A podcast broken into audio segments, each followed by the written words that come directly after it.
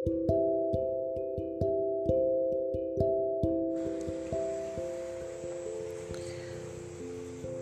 podcast dulu aku udah bilang kalau hidup itu berpasang-pasangan. Kali ini tentang berpasangan-pasangan lagi. Setiap ada pertemuan pasti ada perpisahan. Setiap ada awal, ada akhir. Setiap ada kata mulai, pasti ada kata selesai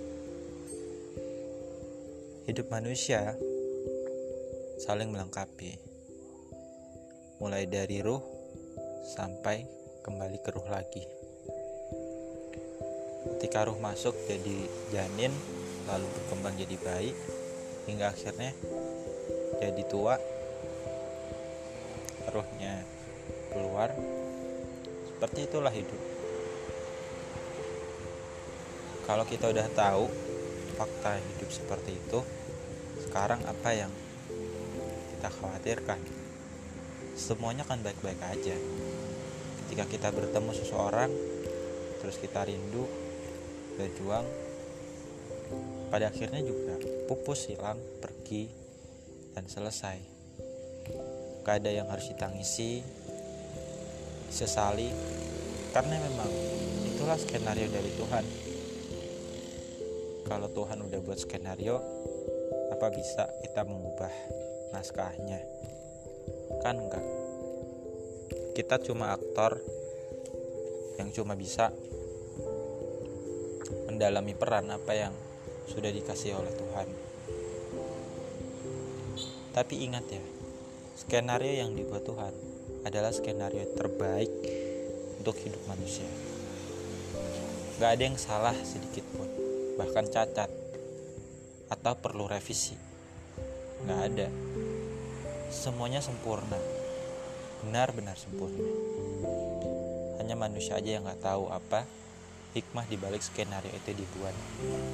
Manusia terkadang hanya menghakimi apa yang sedang terjadi tapi sebenarnya ada hikmah yang lebih dalam yang baru kita tahu bertahun-tahun berikutnya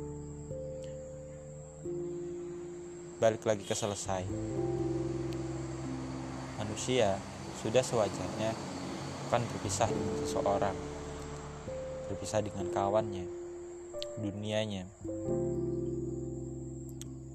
dan berlanjut kepada tahap berikutnya.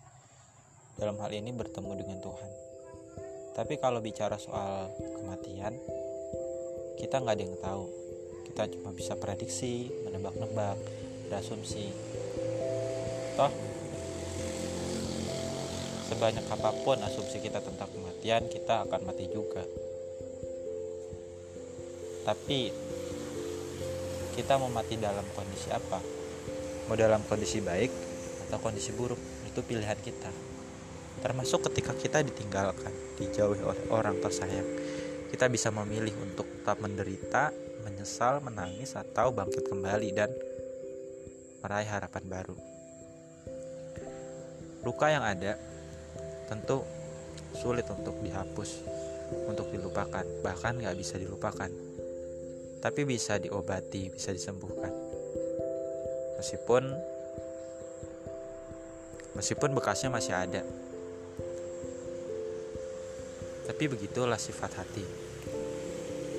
Seperti kayu yang sudah dilubangi dengan paku, ketika pakunya dicabut, bekasnya masih ada dan gak akan hilang tapi rasa sakit yang ada sudah jauh lebih baik, lebih sembuh. Lubang yang membekas di hati bisa kita jadikan pelajaran bahwa semuanya akan baik-baik aja, semuanya akan selesai pada waktunya.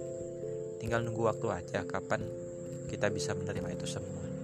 thank you